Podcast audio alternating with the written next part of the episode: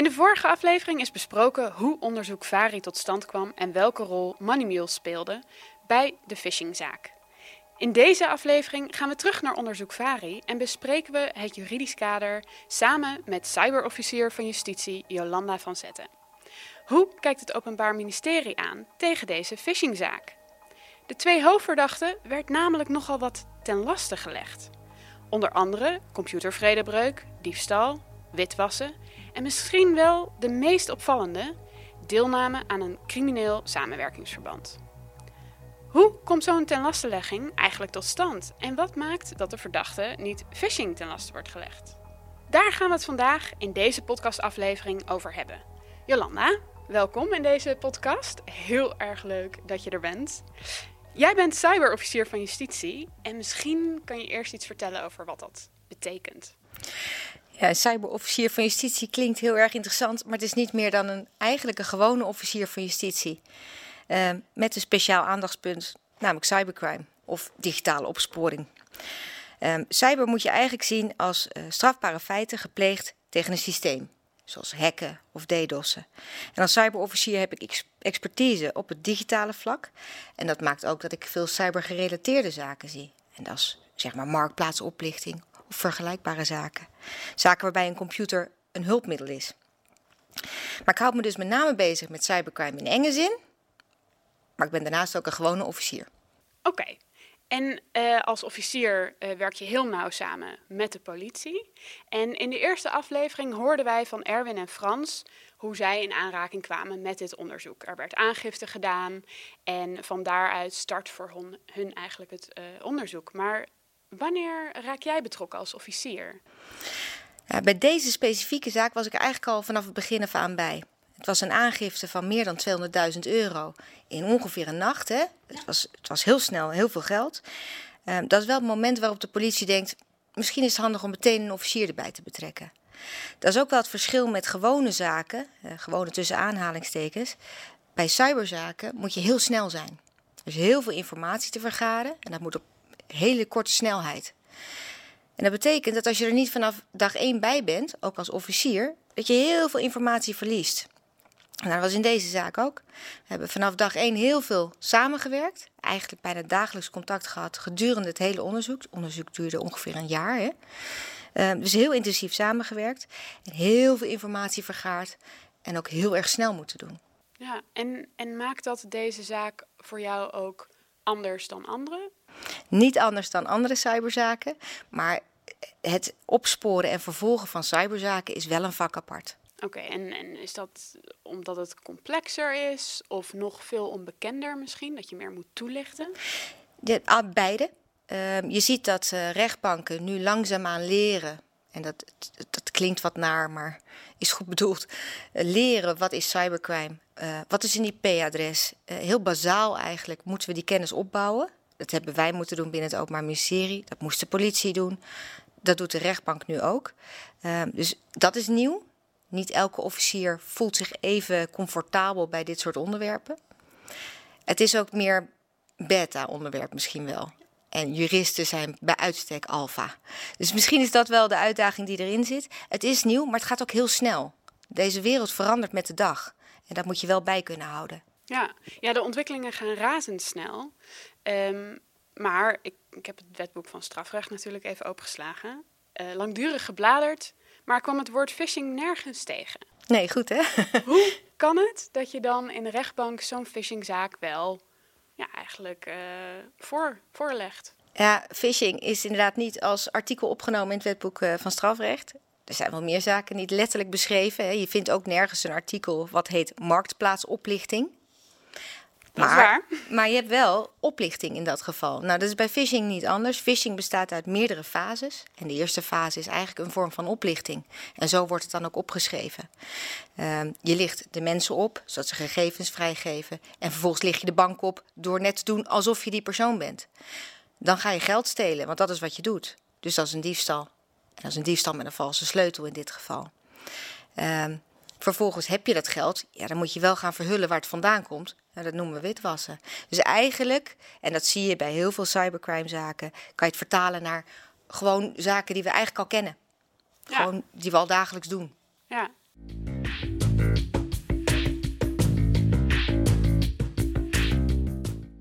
Wat is een valse sleutel?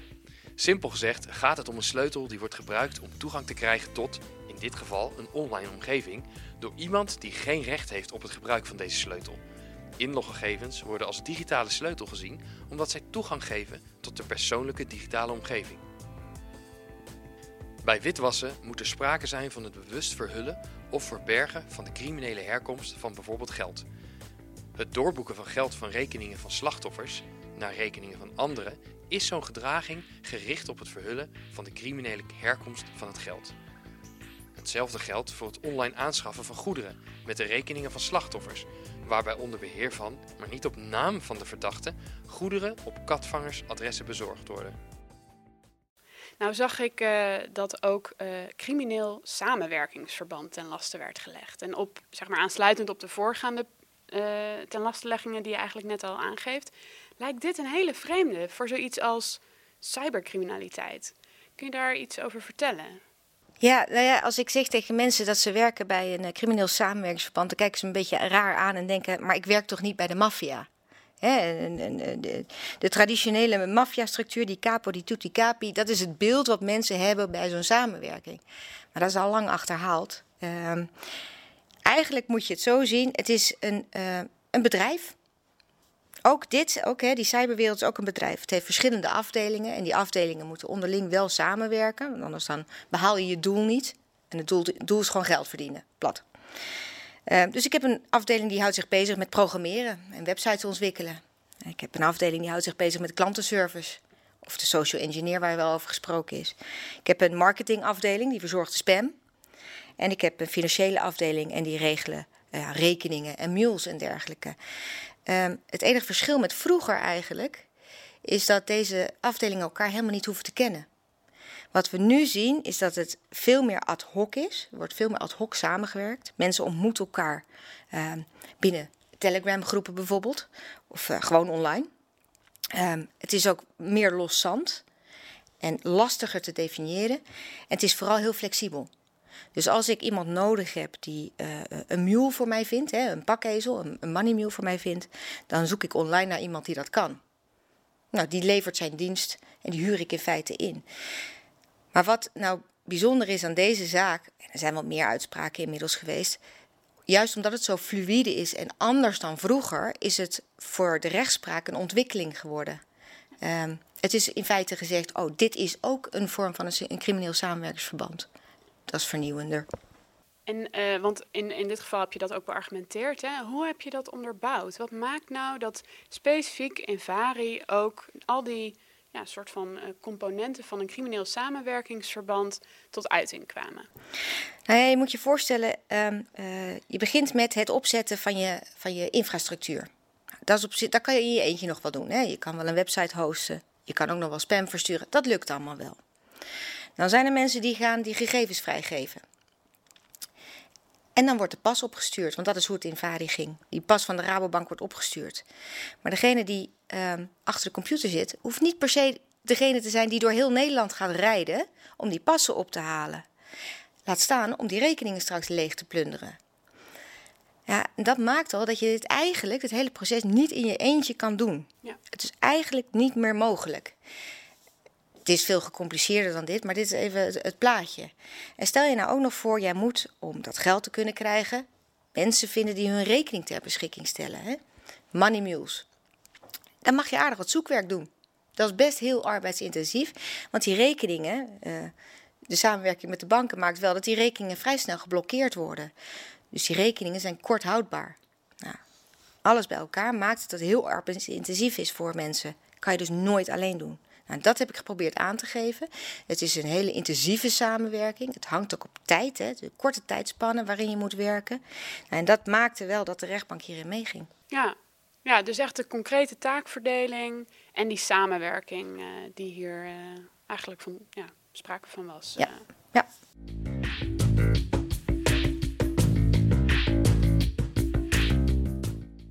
Jurisprudentie komt voort dat er voor een crimineel samenwerkingsverband sprake moet zijn van een aantal criteria.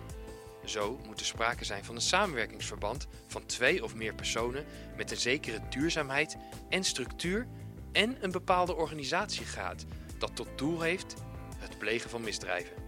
In de uitspraak van Vari beargumenteert de rechtbank dat er sprake is van een crimineel samenwerkingsverband, gezien de periode, de grote mate van samenwerking, de taakverdeling, het delegeren van taken en het duidelijke doel dat zij voor ogen hadden.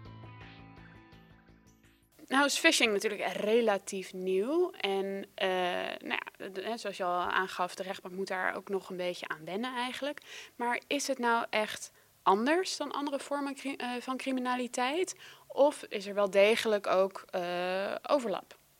Nou, je ziet vaak omdat het over geld gaat, dat mensen reageren met: oh, het is maar geld. En heel veel criminelen zeggen zelf ook: we stelen toch van de bank. Want de banken vergoeden toch de slachtoffers. Ja, dat is één niet waar. Uh, en twee, het is ook wat meer gecompliceerd dan dit. Want het doet geen recht aan de impact. Dan moet je je voorstellen, je bent een bedrijf, een boer. En je hebt inderdaad twee ton op je rekening. En de volgende dag is je geld weg. En je ziet allemaal MacBooks en iPads en allerlei eh, ICT-apparatuur verschijnen. Die is er allemaal mee aangekocht. Maar jouw rekening staat op nul. En jouw leveranciers willen wel gewoon geld zien. Uh, dus daar is paniek. Laat staan dat het bij een particulier is die in één keer zijn hele hypotheekrekening leeggetrokken ziet. Dus die impact is enorm. Um, daarnaast zie je dat het in hele korte tijd over heel veel geld gaat.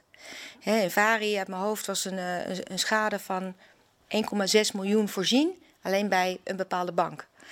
Um, het gaat om gigantische bedragen. En dat geld vinden we lang niet altijd terug. Dus heel veel winst, weinig effort, in hele korte tijd heel veel winst kunnen maken, maakt dat het wel anders is. Ja, en, en als je kijkt naar uh, de impact en ook de professionaliteit bijvoorbeeld van de, in dit geval van de verdachte. Um, laat dat zich vergelijken met de professionaliteit van eigenlijk de, de ouderwetse uh, boef? Of is het al een, een hele nieuwe klasse apart? Het is een totaal andere, ander soort uh, uh, generatie, zeg maar. Waar je vroeger de veelplegers had die keer op keer een woninginbraak moesten plegen. Dus uit hun kamer moesten komen, naar buiten, het risico lopen om stantepeden ontdekt te worden, heb je dit online veel minder. Je bent veel anoniemer, je kan hoog en droog blijven achter je computer bewijzen van. Het is veel makkelijker om te doen. Ja. En het lonkt dus ook veel meer. Ja, en je ziet natuurlijk dat door de opkomst van de, de phishing kits uh, er ook op steeds grotere schaal eigenlijk uh, gefisht wordt. Uh, is dat ook een van de zorgen voor het Openbaar Ministerie? Zeker. Je ziet uh, online uh, steeds meer verhandeld worden. En dat, dat varieert van creditcardgegevens tot complete phishing, phishing kits, tot rekeningen van mules. Nou, noem maar op. Eigenlijk alles wat je wil vinden om een crimineel, crimineel bedrijf te starten, kan je online vinden. Ja, dat was vroeger wel anders. Daar moest je toch wel even iets meer je best voor doen. Ja, en je moest nog eigenlijk in de leer ook bij de, bij de oudgediende in het, net aan de verkeerde kant van de wet. Om, uh, om iets voor elkaar te krijgen. Ja. Um, nou ben jij ook natuurlijk degene als officier van justitie die uh, zich bezighoudt met de uh, formulering van de gewenste straf. Ja. Um, waar houd je daarmee zeg maar rekening? Welke factoren spelen daarbij een rol? Nou, eigenlijk de factoren die je net noemde. Uh, je, houdt je kijkt altijd naar de persoon van de verdachte. Um, en wij hebben nog steeds de hoop dat verdachten het goede pad op willen. Uh, dus daar houden we rekening mee. We houden rekening met uh, het punt of ze wel of niet uitkomen voor hun daden. Of ze zeg maar vertellen wat ze hebben gedaan. Dus hun proceshouding. We houden rekening met of ze eerder strafbare feiten hebben gepleegd of niet. Uh, maar we houden ook rekening met de zwaarte en de omvang. En of het geld wel of niet bijvoorbeeld terug is. Nou, in dit geval hebben wij een deel van het geld teruggevonden, maar heel veel ook niet. En dat betekent dat als je uh, daarnaast ook nog een lage straf zou eisen, noem maar wat, twee jaar, dat het wel erg gaat lonen. En het adagium is nog steeds misdaad mag niet lonen. Nou heb ik niet de illusie dat ik het helemaal kan voorkomen met hoge straffen. Maar het is wel een wisselwerking. Als je een lage straf hebt met heel veel winst, ja, dan is het wel heel erg verleidelijk. Dus daar hou ik zeker rekening mee. Ja, dan wordt het ook heel erg rendabel eigenlijk. Juist. Ja, dan kun je een kostenbatenanalyse doen. Dan denk je, nou, een jaartje geen inkomen kan ik ook hebben. Ik ga wel een jaartje zitten en daar ligt nog een miljoen op mij te wachten. Dat is best aantrekkelijk. Ja. Nee, dat willen we voorkomen. Dat betekent ook hè, eh, het, het, het richten op uh, het ontnemen van wrederechtelijk verkregen voordeel. Dat is bij deze twee verdachten ook aangekondigd. Uh, betekent dat we nog niet klaar zijn met elkaar. Ja, precies. Dus ik probeer dat geld wel nog op een andere manier terug te halen. Ja. Nou, hè, ze, jij mag een strafwens eigenlijk wel formuleren, maar het is altijd aan de rechter om daar ook een beslissing in te nemen. Uh, kun je misschien iets vertellen over wat de rechter in dit geval heeft laten meewegen bij uh, ook het opleggen van de straf? Want die is best wel fors. Ja, ja, het was een van de wat hogere straffen zeg maar, op het gebied van phishing. Uh, eindelijk rechtdoende aan de zaak, denk ik ook. Ehm, de, verdediging denkt daar denk ik anders over. Ehm, in dit geval werd heel erg gekeken naar de rol die de verdachten hebben gespeeld binnen dat criminele samenwerkingsverband. Dus dat, dat er moest worden gewerkt in een samenwerkingsverband. Dat is al één ding. Maar ook de rol die ze daarin hadden, daar zag je bij deze twee hoofdverdachten toch echt wel coördinerend, sturend, leidinggevend. Uh, dat maakt dat zij uh, een zwaardere straf daardoor inderdaad kregen dan degene die een rekening ter beschikking stelt. Ja, en, en speelt uh, het hebben van spijt daar bijvoorbeeld ook een rol in? Ja, dat kan, maar dat was in dit geval niet. Nee, precies. Er, er werd een beroep gedaan op een zwijgen. Ja, ja, en dat houdt eigenlijk in dat de verdachte op de zitting überhaupt niet verklaart over eigenlijk de tenlastelegging, nee. het onderzoek. Nee. Uh, dus de rechter gaat dan af op het dossier dat wordt samengesteld door het OM samen met de politie. Uh, ja. ja. ja.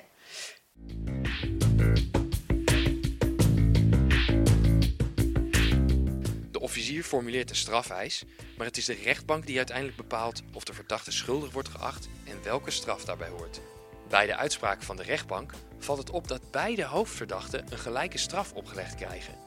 De rechtbank laat in beide gevallen meewegen dat de verdachten een leidende, coördinerende en cruciale rol hebben gehad in een zeer professioneel opererende criminele organisatie die verantwoordelijk is voor het oplichten van een groot aantal klanten van de bank.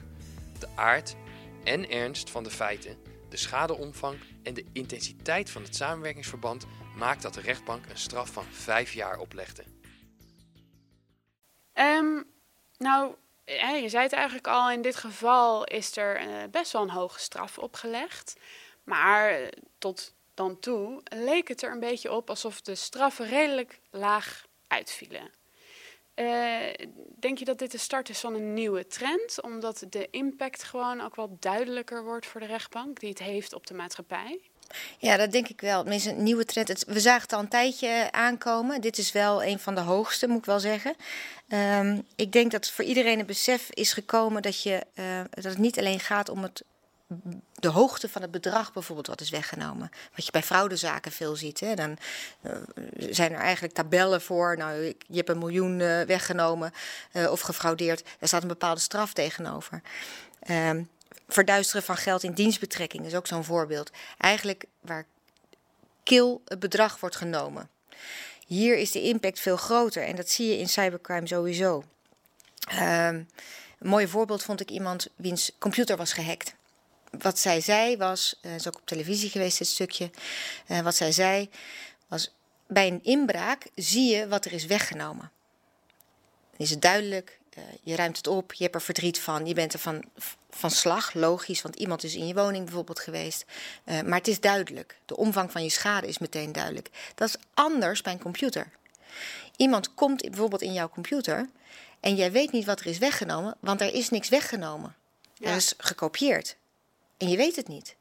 En heel veel mensen hebben eigenlijk hun hele privéleven in die computer zitten, maar ook allemaal gegevens waar mensen schade mee kunnen aanrichten. Dus voor hetzelfde geld word je pas over een aantal jaar geconfronteerd met de consequenties van die inbraak in je computer. Ja. Door identiteitsfraude en dergelijke. Dus dat maakt dat het echt wel andere, ander soort zaken zijn. Andere impact, veel zwaarder en veel heftiger. Nou, dat los van het feit wat ik net noemde, hè, die, die, die, dat geld wat dan verdwijnt.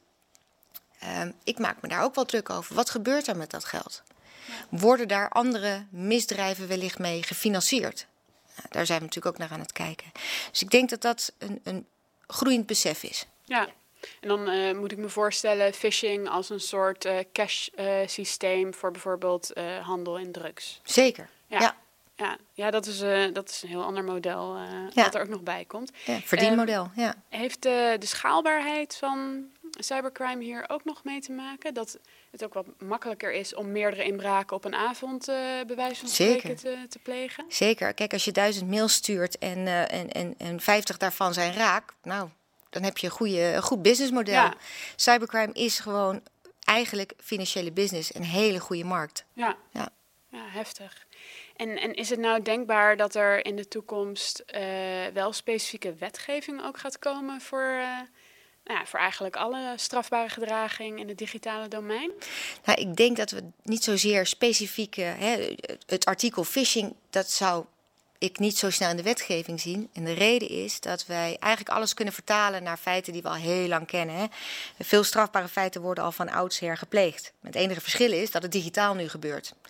Ehm, dat is het voorbeeld inderdaad van die woninginbraak en dan nu je computerinbraak. Daar is dan wel een specifiek artikel voor, maar eigenlijk is dat in de kern hetzelfde soort strafbare feit.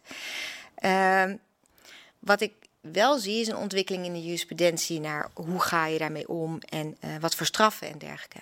Ja. Maar niet zozeer nieuwe strafbare feiten. Ik denk dat we best een mooi straf, een wetboek van strafrecht hebben. Oké, oké. Nou, gelukkig maar. Gelukkig.